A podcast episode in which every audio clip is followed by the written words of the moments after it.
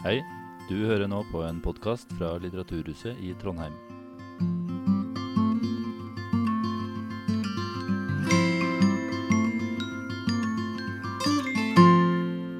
Hei, og velkommen til denne samtalen på Litteraturhuset i Trondheim. I starten av februar i år la Riksrevisjonen fram en, knu, en eh, knusende kritikk av Norges kontroll over egen våpeneksport. Rapporten som de skrev, kritiserer bl.a. kontrollen med salg av våpen til De forente arabiske emirater.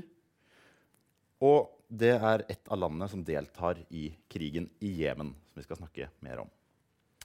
Vi har vært så heldige å få med oss uh, her i dag forfatter Dag Hoel og forsker Susanne Therese Hansen for å snakke om Norges våpeneksport og krigen i Jemen.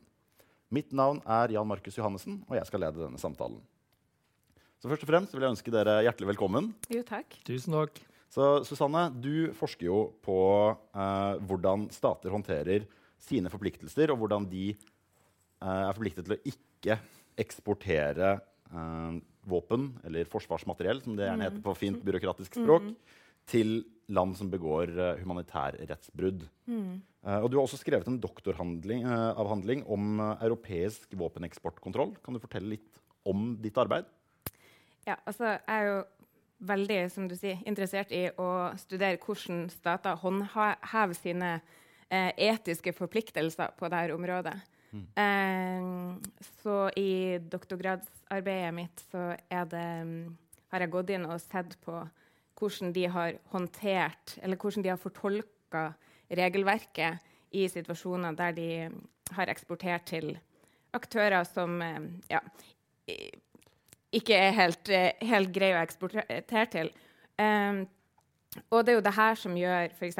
situasjonen i Jemen eh, veldig interessant for meg. fordi at her har vi jo en situasjon der, eh, eh, der, Norge, Norge og veldig mange andre land eksporterer til land i en koalisjon som begår humanitærrettsbrudd i Jemen. Eh, så jeg lurer jo veldig på hva, hva det er som ligger bak. Hvordan er det man tolker regelverket? Hvordan forsvarer man eh, at man fortsetter å, å eksportere osv.? Mm. Og det skal vi komme mer tilbake til. Mm. Du har også skrevet denne doktoravhandlingen, og slik jeg skjønte, så er ikke den nødvendigvis allment tilgjengelig? Noe av den er det. Eh, det er en artikkelbasert avhandling som er eh, der jeg har publisert en del, og en del holder på å komme ut. Ja. ja. Dag, du har skrevet uh, boken 'Fred er ei det beste'. Jeg har med meg uh, her. Uh, hvor du snakker ja, som heter da, 'Fred er ei det beste' fra innsiden av den norske ammunisjonsindustrien. Hva, hvorfor ønsket du å skrive den boken, og hva har du lært gjennom det å skrive den? Ja, det er jo ikke så det er et stort spørsmål hvorfor jeg ville skrive det. Altså, jeg er jo interessert i de samme tinga som Susanne. Mm. Uh, men jeg har en annen inngang til det. Uh, fordi det er slik at jeg, jeg er et barn av ammunisjonsindustrien. Uh, min far jobba 50 år i industrien. og min, min bestefar jobba 50 år. Og min oldefar jobba også 50 år i ammunisjonsindustrien på Raufoss. Raufoss er et samfunn som da jeg vokste opp i, i, i, helt og holdent, dreide seg rundt denne ene store bedriften som primært jobba med ammunisjonsproduksjon til militære, først og fremst til militære formål. I, så jeg var prega av det, tror jeg, som ungdom. Jeg var meg det bevisst hva slags samfunn jeg bodde i. Eh, alle visste at dette her var, eh, var eh, hva vi levde av. Vi levde av, eh, av eh, krig. Uh, men det var et tema som det var helt umulig å snakke om. Et, det var så et, et, et, ubehag ved dette her som gjorde at vi Det var fortidd i samfunnet. Og nå i godt voksen alder, og lenge etter at jeg har, har flytta hjemmefra, så, så da, skrev jeg denne boka som kom ut for fire år siden, og der jeg forsøker å, å beskrive dette her. Hvorfor det, hvorfor det var et tabu. eh, hvorfor raufossinger er nøyaktig sånn som alle andre mennesker i verden. Det er ingenting spesielt med det samfunnet, men det er noe ved oss mennesker som eh, gjør at vi er ganske flinke til å, å eh, se bort fra det som kan være vanskelig å ta inn over seg. Eh, etiske erkjennelser. Vi er, vi er, flinke til å skjerme oss mot, det, mot, sånne ting. Så det er en, en bok som drøfter dette her. da. Uh, og som da den kom, da boka kom ut, så uh, skjedde det noe veldig interessant. Fordi eh, det kom umiddelbart sterke reaksjoner i pressa. Først og fremst i den regionale avisa, altså det er Oppland Arbeiderblad, som er tilsvarende Adresseavisa her i Midt-Norge. Eh, kom det veldig sterke reaksjoner mot boka fra eh, eh, nåværende og tidligere direktører i fabrikken. Eh, som ikke har påvist en eneste feil i boka, men som sier at måte, helhetsperspektivet her blir galt. Man kan ikke snakke om det vi gjør, på denne måten. Eh, parallelt med disse, denne kanonaden som jeg fikk i, i, eh, mot meg, så fikk jeg også en masse henvendelser direkte til meg på e-post eller i SMS-er fra folk på Raufoss som takka meg for at det endelig var et menneske som, som sa ifra om hva som skjer.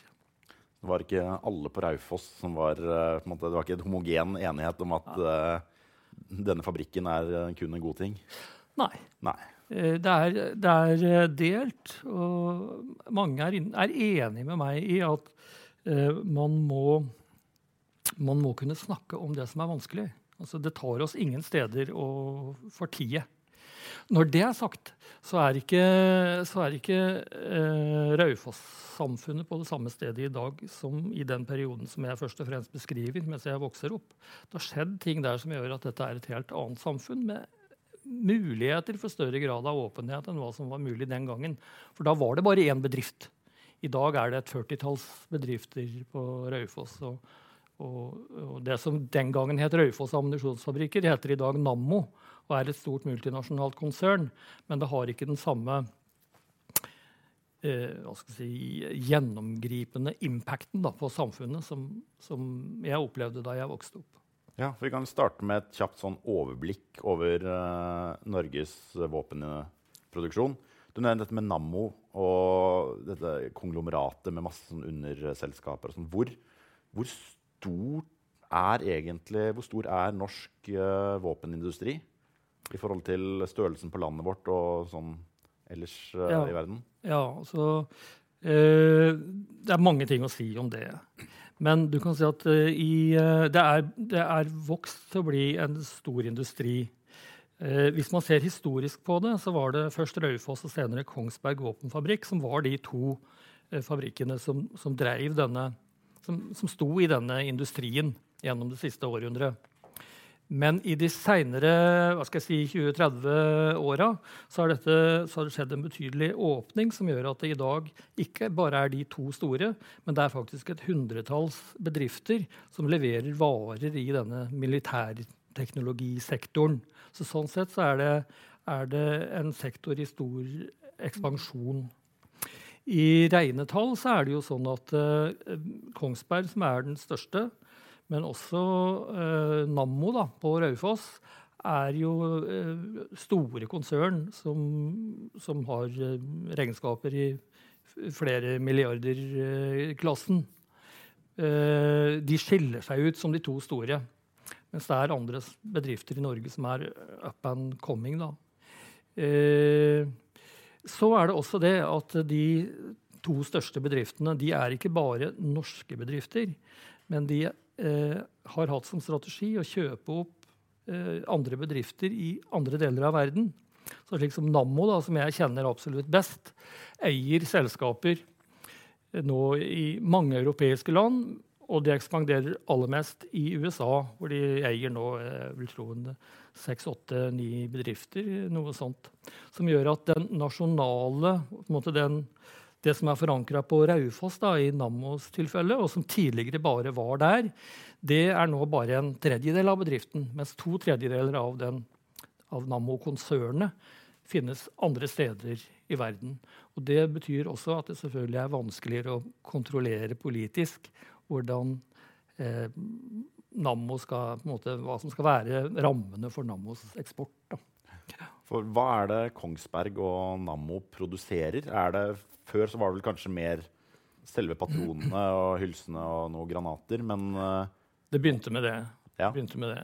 Så, eh, så eh, ja, ble dette repertoaret utvida, men du kan si at for Nammo og, og Kongsbergs vedkommende så er det snakk om store, store ting. Da. Altså, Kongsberg eh, produserer store rakettsystemer som er etterspurt mange steder i verden, og er en viktig underleverandør til Nato.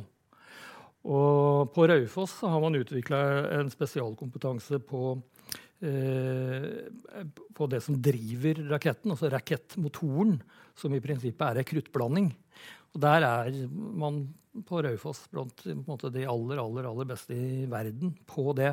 Så det er ofte samarbeid mellom Kongsberg og Raufoss og mellom eller Nammo, da, og Nammo og bedrifter i USA, der de er underleverandører av denne rakettmotoren til store produsenter som Raytheon og, og sånt. da. Så vi har gått litt bort fra at dette er en, dette er en norsk patron, til eh, denne raketten inneholder to norske komponenter og en underleverandør, eh, Finne og noe sånt noe. Ja, ja, det er det. Men du kan si at vi leverer samtidig den der patronen, som er verdens beste patron. ikke sant?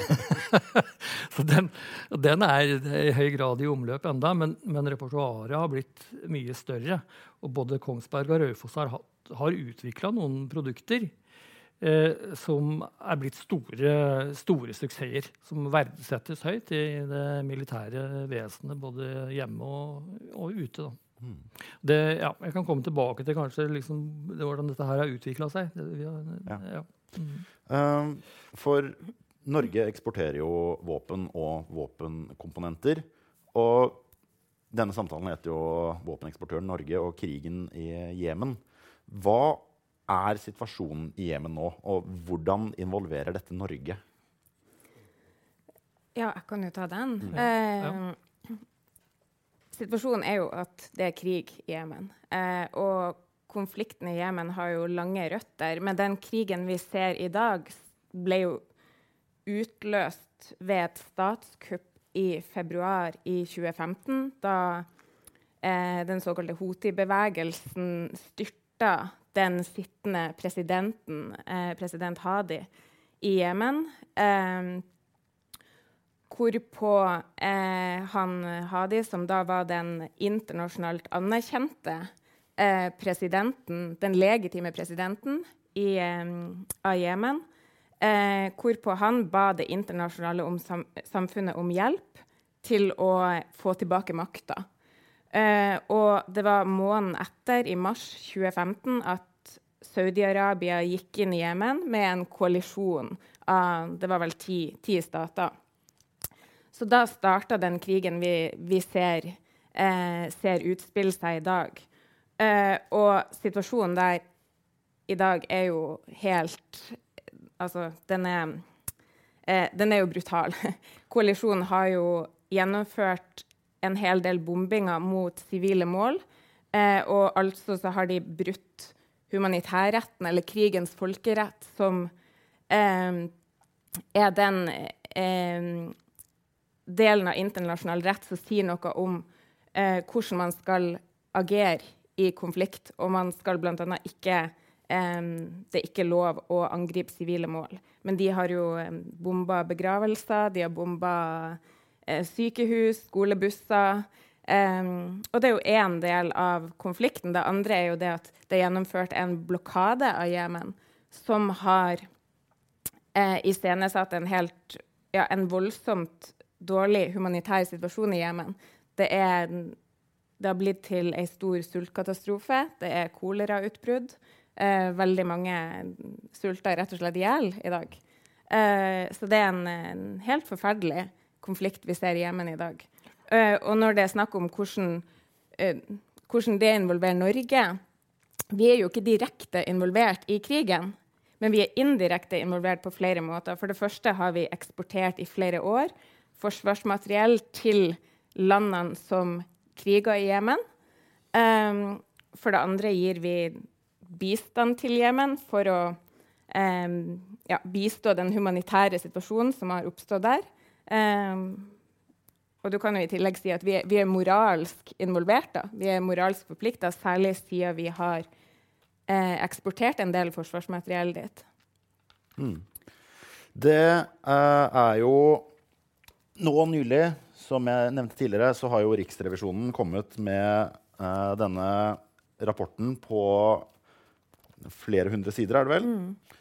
Um, hvor den har den fengende tittelen Riksrevisjonens undersøkelse av myndighetenes arbeid med eksportkontroll av strategiske varer. Mm. Og det er en ordentlig sånn klikkvinner, det der. Uh, og de har jo uh, I den rapporten så får jo bl.a. Utenriksdepartementet ganske hard kritikk. Det, det, jeg lurer på, er i korte trekk hva, hva forteller denne rapporten? Jeg kan gi et uh, kort resymé av ja, de Eh, av den eh, tjukke haugen med papir. Altså, det Riksrevisjonen eh, påpeker, er alt i alt at kontrollen med eksport av militære produkter er under enhver kritikk. det er tre instanser som, har, som deler på ansvaret. Det er tolletaten, som, eh, som, der Riksrevisjonen påpeker at man praktisk talt ikke utøver noen form for kontroll i det hele tatt. Det er PST, eh, Politiets sikkerhetstjeneste, som skal drive forebyggende arbeid i de bedriftene hvor man produserer militært materiell, slik at det skal bygges en forståelse for at altså eksport skal foregå under bestemte rammevilkår. Eh, PST har, gjør praktisk ikke noe som helst innafor denne sektoren. Det er et arbeid som mer og mindre er lagt til side, sier rapporten til Riksrevisjonen. Eh, de som likevel kommer dårligst ut, er Utenriksdepartementet. Eh, Utenriksdepartementet er ansvarlig for eh, eh, landstudier som ligger til grunn for arbeidet med å utstede lisenser på eksport av militært materiell. Disse lisensene er det også Utenriksdepartementet som utsteder. Så de gjør både studiene og de utsteder, lager, gjør lisensene når de vurderer hver enkelt eksport. Og eh, Riksrevisjonen er veldig kritisk til det arbeidet som gjøres, eller eventuelt ikke gjøres. Så de påpeker at en hel del eksporter skjer uten at det er gjort eh, de vurderingene da, som skal til for å, for å kunne utstede uh, lisenser. At, gjør, at, at, lisensene utstedes på sviktende grunnlag, rett og slett, er det man sier i rapporten. Dette gjelder jo selvfølgelig ikke all eksport av militært materiell fra Norge. Det vi i hovedsak snakker om, det er jo eksport til Norge si, konfliktområder der det er, måtte være disputt rundt eksporten. Mm. Altså den store, Det er et vesentlig poeng i for seg å få med før vi går videre, at den største delen av norsk militær eksport går jo til samarbeidsland. Går til Nato eller det går til Sverige, Finland. Altså til, til land som er naturlig å samarbeide med for oss. Det er den største delen.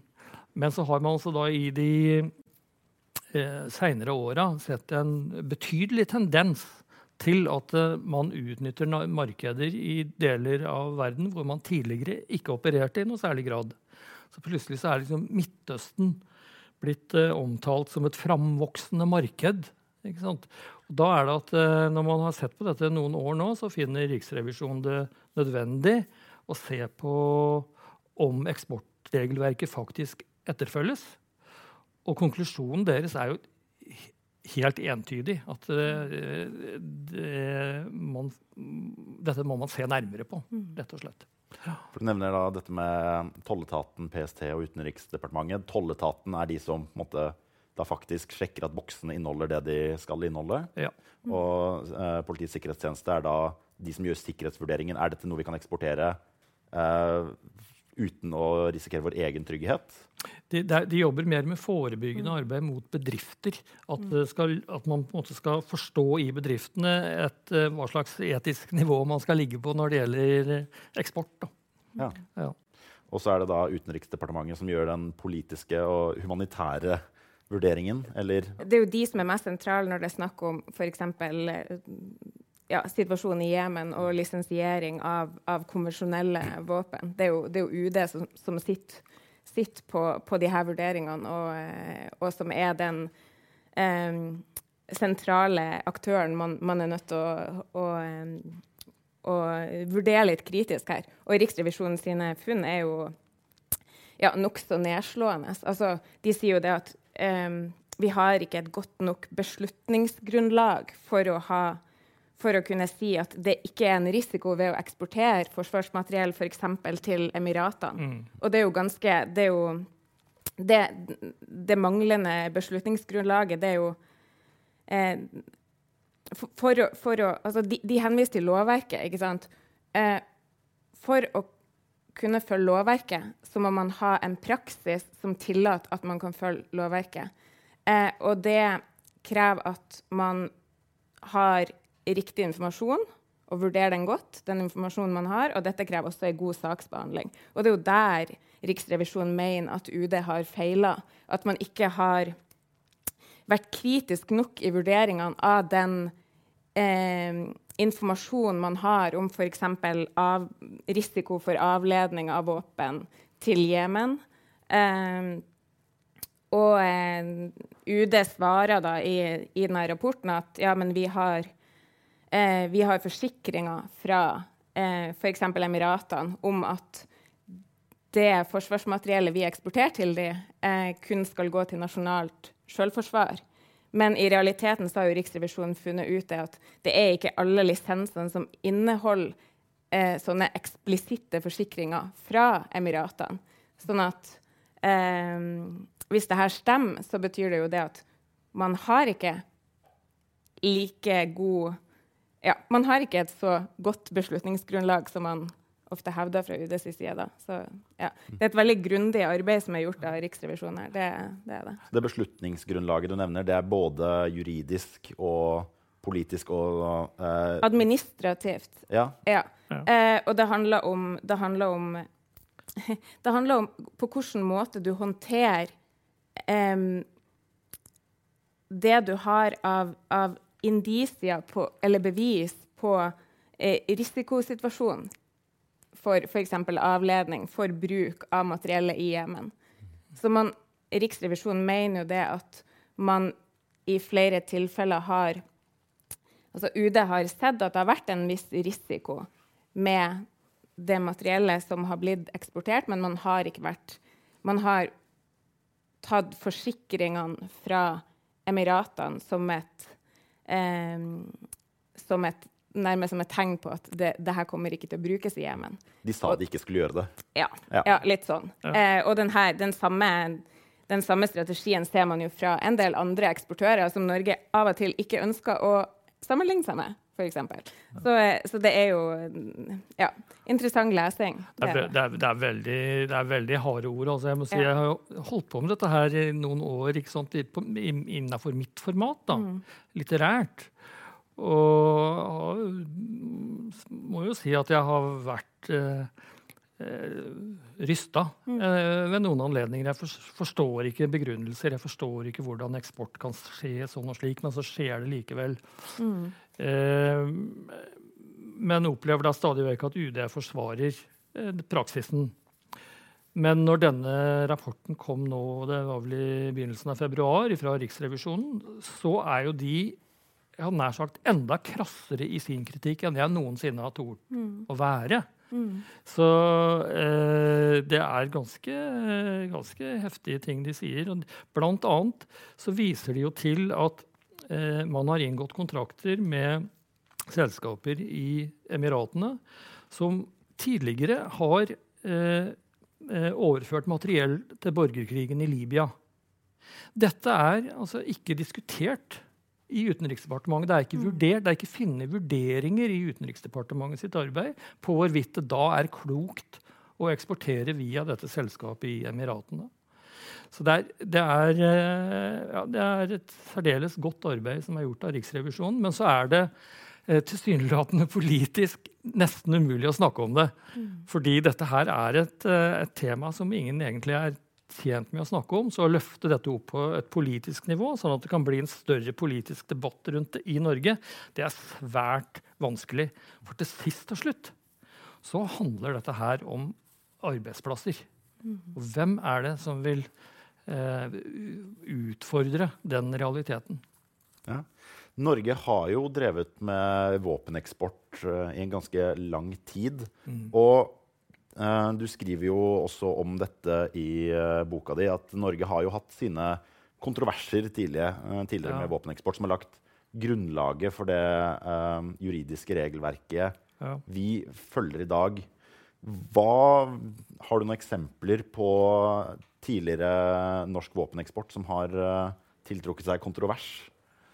Ja, jeg kan kanskje bare trekke noen raske historiske linjer her, rett og slett. Fordi eh, vi feirer eh, 100-årsjubileum praktisk talt nå. Det er 101 år siden vi gjorde vår første internasjonale eksport.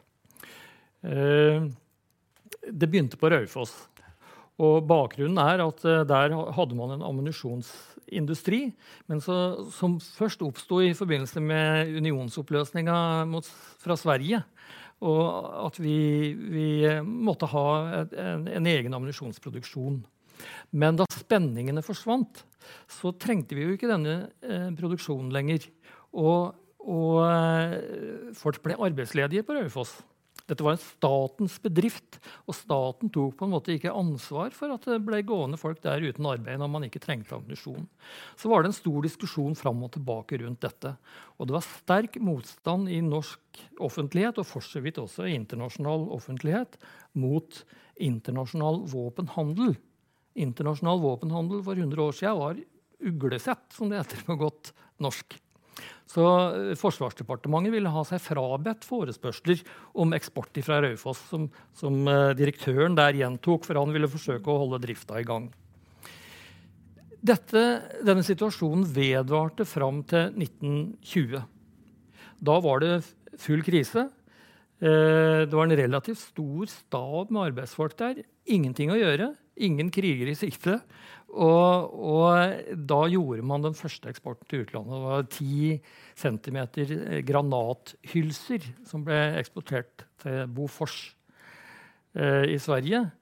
Eh, som, til og med som sivil eksport. Så pi, pinlig var dette her at man måtte forsøke å kamuflere det på den måten. Eh, og så, så, snudde dette med en gang man hadde bestemt seg for at nei, ok, vi får vi får begynne med dette her, vi òg. Eh, så snudde det veldig fort, og da var det plutselig sånn at eh, diplomater i Utenriksdepartementet ble pålagt å drive markedsframstøt ute i, hvor de måtte være utplassert, for å promotere norsk eh, ammunisjon. Og det var supervellykka! Fra at det var helt umulig å tenke seg norsk internasjonal eksport, eller norsk eksport, så ble det veldig populært. Og vi ble en, en kjempesuksess i løpet av kort tid. Inntil man i 1935 eller 1934 fikk, da fikk vi gjennomgå skikkelig internasjonalt i Folkeforbundet, forløperen til FN, fordi at vi brøt en handelsembargo med Bolivia. Bolivia og Paraguay var i krig. Chaco-krigen. Og det var en internasjonal handelsboikott som Norge brøt med å eksportere ammunisjon til Bolivia. Den, største, den mest blodigste opp, krigen som har vært i Latin-Amerika. Internasjonal oppmerksomhet den gangen førte til at vi for første gang diskuterte liksom, hva skal vi egentlig gjøre. Altså, er, vi, ikke, vi, vi, vi ser latterlige ut i en internasjonal sammenheng. Vi må gjøre noe. Fram til dette så hadde det vært egentlig ganske fritt fram? Ja, ja. da hadde det vært fritt fram i denne 15-årsperioden fra man da begynte, til vi, til vi, kommer til midt på 30-tallet. Eh, Og da behandler Stortinget dette her, og så bestemmer man seg for, etter eh, forhandlinger, at eh, ja, vi skal eh, selge ammunisjon utover i verden. Eller ja, det var ammunisjon det var snakk om den gangen. Eh, men vi skal ikke selge til land hvor det er krig eller borgerkrig, eller hvor krig truer. Det ble man enige om i Stortinget i 35. Det var liksom, har seinere vært et grunnlag. da. Og så kan vi hoppe, hoppe framover i tid. Vi kan hoppe over krigen, selv om den er interessant eh, nok. Eh, men eh, når vi kommer til 50-tallet, så er det en helt ny situasjon som oppstår. For vi blir medlemmer i Nato. Og da inngår Norge etter hvert i et større eh, samarbeid mellom Nato-medlemmene om hvordan vi skal produsere eh, våpen innenfor vårt fellesskap. Så vi blir underleverandører til det store Nato-fellesskapet. Men mot slutten av 50-tallet da, da blir, På den tida vokser også Kongsberg fram. Så du får både Raufoss og Kongsberg som underleverandører til Nato-våpensamarbeidet. Men så finner amerikanerne ut at det er bare én måte å forsvare seg mot kommunister på. Og det er å bombe dem tilbake til steinalderen. Og da måtte de ha atomvåpen. Og det drev vi ikke med på Raufoss. Så dermed så eh, ble det krisetider igjen. Og eh, da begynte man å lete etter markeder utover i verden som kanskje ikke var helt i tråd med hva som var norsk regelverk. da. Eh, og det var flere eksporter, men den som på en måte huskes, da, det er den såkalte Cuba-saken. Eh, den er fra starta høsten 1958 da diktatoren på Cuba, Batista, lå i krig med Fidel Castro og Che Guevara. Og ingen i verden var på det tidspunktet eh, villig til å støtte Batista, fordi man så at dette her, det går galt. Selv amerikanerne, som hadde støtta Batista hele veien, trakk seg ut, og det åpna for Raufoss. Så i, uh, i, Einar Gerhardsens fravær, han var på utenlandsreise, så, så vedtok man i, i, et regjeringsråd at man skulle forestå denne eksporten til uh, Cuba.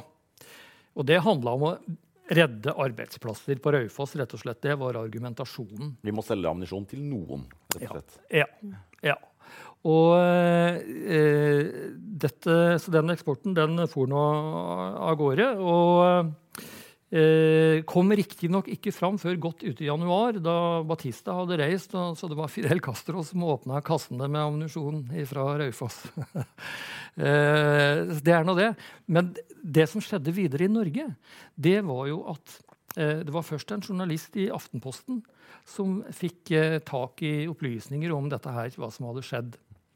Men Aftenpostens redaktør, eh, Smith Ingebretsen, han uttalte at han var ikke villig til å trykke en sak som var så pinlig for Norge. Så han la lokk på det, men så fant Handels- og Sjøfartstidene eh, den samme saken og publiserte det. Og det ble, et, eh, det ble storbråk i Stortinget som varte gjennom ja, et helt år. Det var behandla mange ganger. Og eh, den eneste grunnen til at Arbeiderpartiregjeringa overlevde, var at de hadde flertall alene i Stortinget. Stortinget samla seg da om det som senere er blitt hetende 1959-vedtaket. Det er fra mars 1959, og det er på mange måter en gjentagelse av det man var blitt enige om i 1935. At man skal ikke eksportere våpen til land i krig, borgerkrig eller hvor krig truer. Og det er blitt stående. Det er fundamentet for eksportregelverket uh, slik som det lever i Norge i dag. Og så er det bygd flere lag på det igjen, men det er på en måte eh, fundamentet. ja. Mm. Det det. For da med dette eh, 1959-vedtaket i bunn, som ble hva skal vi si, et, et barn av et Nato-land som direkte eksporterer ammunisjon til Fidel Castros Cuba.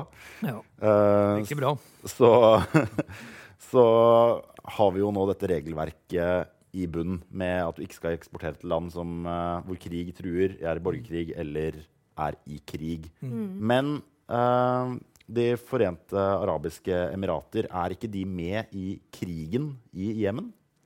Jo, de er med i krigen i Jemen. Uh, og det her legitim... Altså, Norge legitimerer jo salg av våpen eller, og ammunisjon til Emiratene eh, på bakgrunn av at man har eh, snevra inn tolkninga av 59-vedtaket til å gjelde eh, til å ikke gjelde stater som er med i en såkalt legitim intervensjon.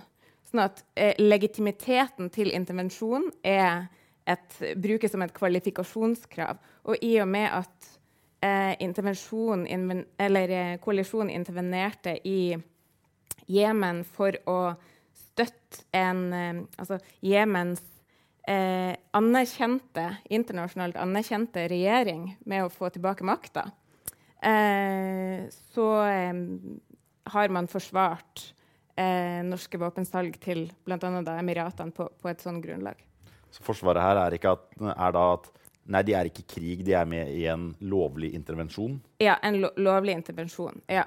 Eh, og det er jo en litt sånn eh, eh, Nå består jo regelverket av flere, flere ting enn bare 59-vedtaket.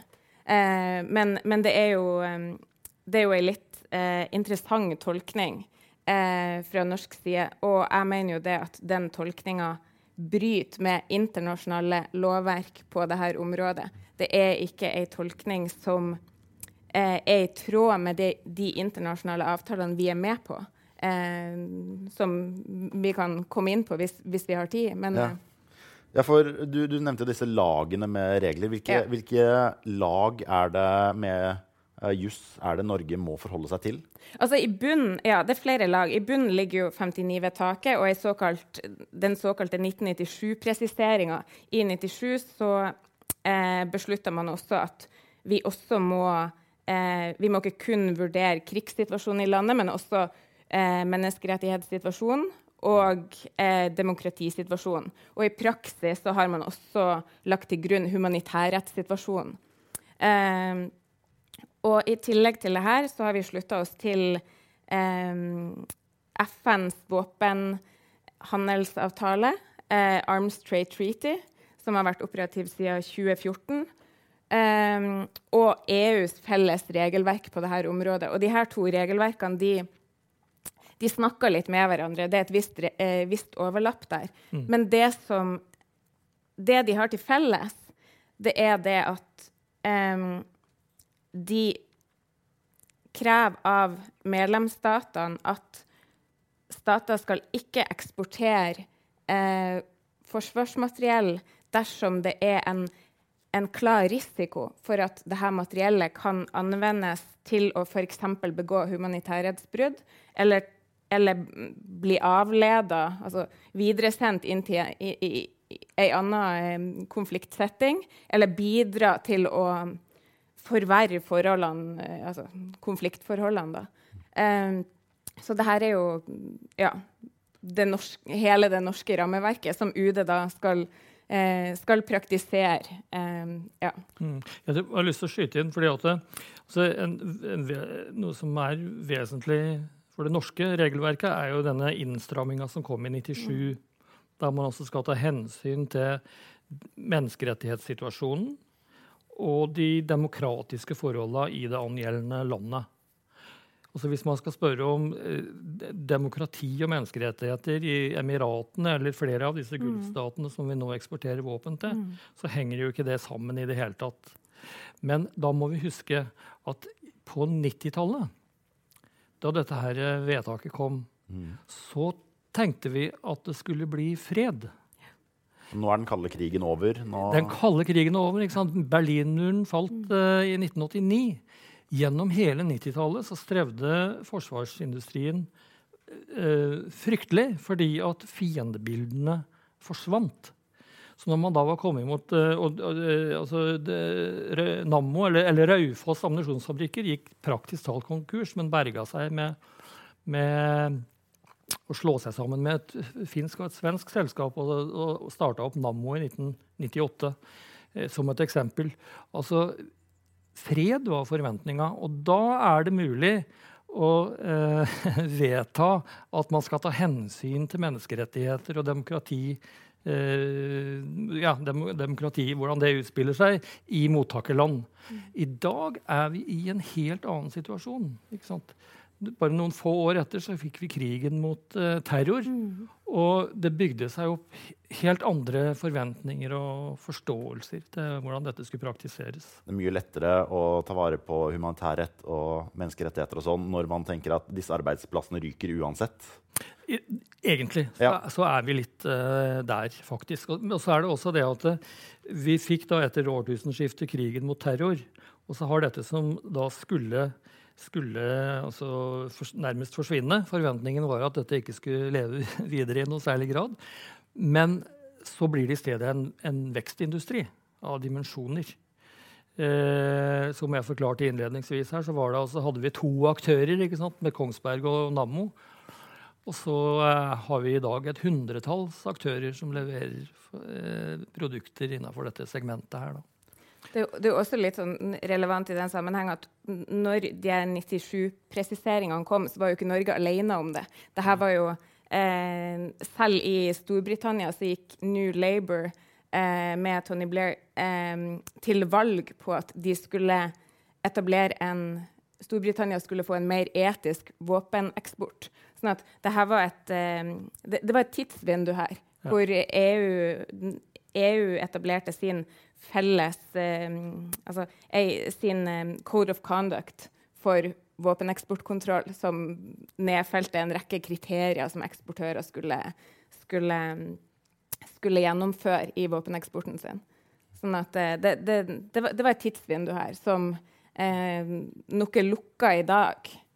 Eh, ja, for uh, det er jo også i disse internasjonale avtalene så er det jo mye snakk om sluttbrukerkontroll. Mm. Og at man skal vite hvor våpnene ender opp. Mm. Vet Norge det i dag?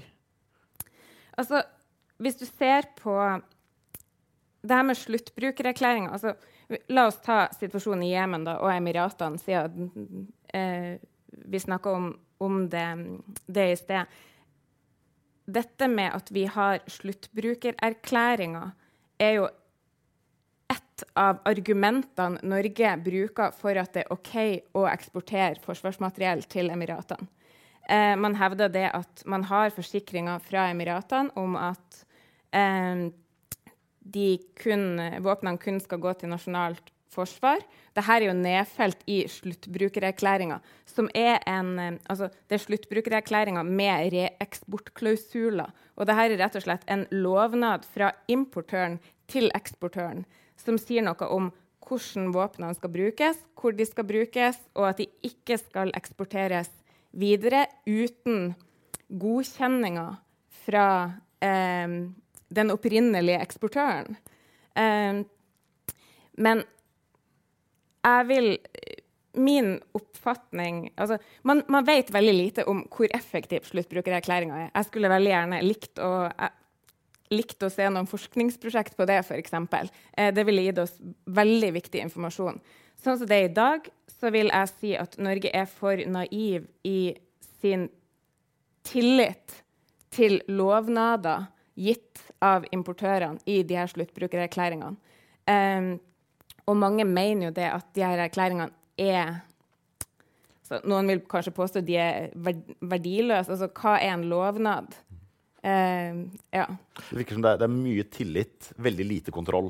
Det er ingen kontroll. Det, ja, det, det, er veldig tillitsbasert. Sånn at, og det er jo sånn at uh, Norge um, Norge skal ha sluttbrukererklæringer fra, fra, land som er i landgruppe 2, inkludert ja. Emiratene. Uh, men uh, ja. ja. Du er skeptisk. Altså. men, det, det, men, Riksrevisjonen uh, går jo enda lenger.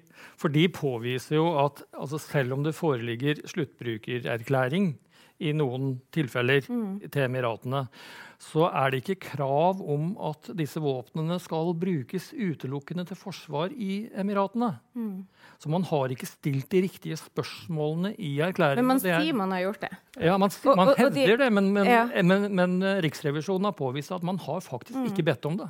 Og det her har man jo stått og sagt og orientert Stortinget om også. At Ja, det, her er, det er en forutsetning fra norsk side om at det skal gå til norsk Nei, til eh, Emiratene sitt forsvar. Men Nettopp. den forutsetninga har man ikke alltid stilt. Nei, og det, så jeg mener at det rett og slett foreligger et tilfelle her med at man har feilinformert Stortinget. Så det, Vi rekker et siste veldig kjapt spørsmål. Eh, Det er litt til begge. Tror dere at Norge over de neste årene vil klare å, å rydde opp i sin egen kontroll, eller tror du ikke den politiske viljen er der i det hele tatt?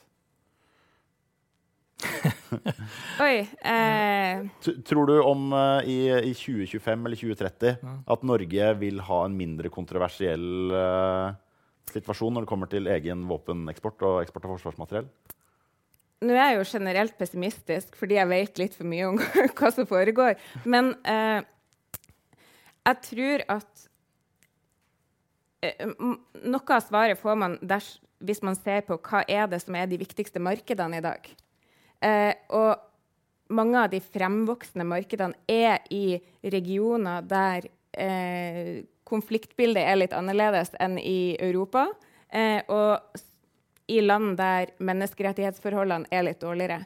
Sånn at hvis vi skal fortsette å navigere etter nye markeder, eh, så kommer vi ikke til å klare å gjennomføre en eh, Altså Nye markeder er ikke der det er fred.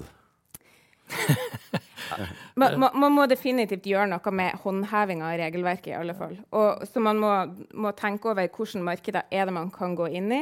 Og det andre er at uh, man burde se på hvordan 1959-vedtaket praktiseres.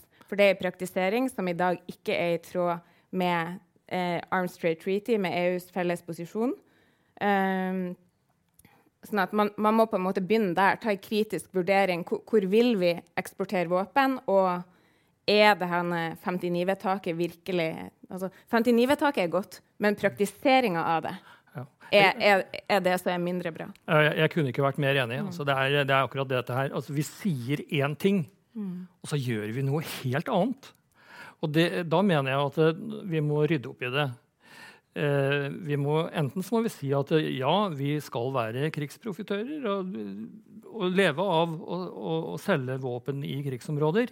Eller så må vi slutte å si at vi altså, Eller så må vi må bestemme oss for hva vi vil. Og så må, vi ha, må det være konsistens mellom hva vi gjør og hva vi sier. Og det krever en grundig opprydding i, i regelverket. Det gjør det. Eh, Da er det også eh, en, en side ved det at man har på et vis et slags historisk viktig momentum akkurat nå for å kunne gjøre noe. Fordi denne rapporten fra Riksrevisjonen er så sylskarp. Så den, forteller, den forteller oss eh, på et vis hva det er vi må gjøre. Men det forutsetter da at eh, politikere tar tak i det og gjør det til sin sak. Noen må løfte det. Ja, Det er en ganske klar tilbakemelding føler jeg, eh, fra begge to. Tusen takk, Dag HL. Tusen takk, eh, Susanne Therese Hansen. Mitt navn er Jan Markus Johannessen, og dette har vært en samtale på Litteraturhuset i Trondheim.